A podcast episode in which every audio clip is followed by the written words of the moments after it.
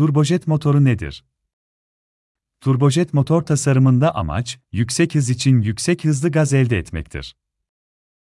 Bu gazın bir kısmı kompresör için, geri kalanı ise itme kuvveti için kullanılır. Daha yüksek itme, daha yüksek hız sağlar. Ancak gürültü ve düşük verimlilik nedeniyle turbojet motorlar pek tercih edilmez. Bu nedenle turbojet motorlar modifiye edilerek başka motorlar geliştirilmiştir. Çalışma prensibi Hava, motorun giriş kısmından alınır ve daha sonra kompresörde sıkıştırılır.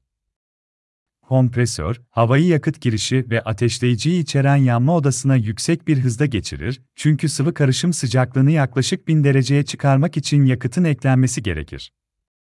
Sıcak, genişleyen hava kompresörü döndüren bir türbin içinden itilir. Türbinin deşarjındaki basınç, atmosferdeki basıncın iki katı olmalıdır. Ancak bu, bir uçak motorunun verimlilik seviyesine bağlıdır. Aşırı basınç, bir itme oluşturmaktan sorumlu olan gaz akışlarını nozüle taşır. Son olarak, hızlandırılmış egzoz gazları itme sağlar. Bu motorlar menzil ve dayanıklılık açısından sınırlıdır ve günümüzde çoğunlukla askeri havacılıkta kullanılmaktadır. Daha fazla bilgiye erişebilmek için Monolib'i ziyaret edebilirsiniz.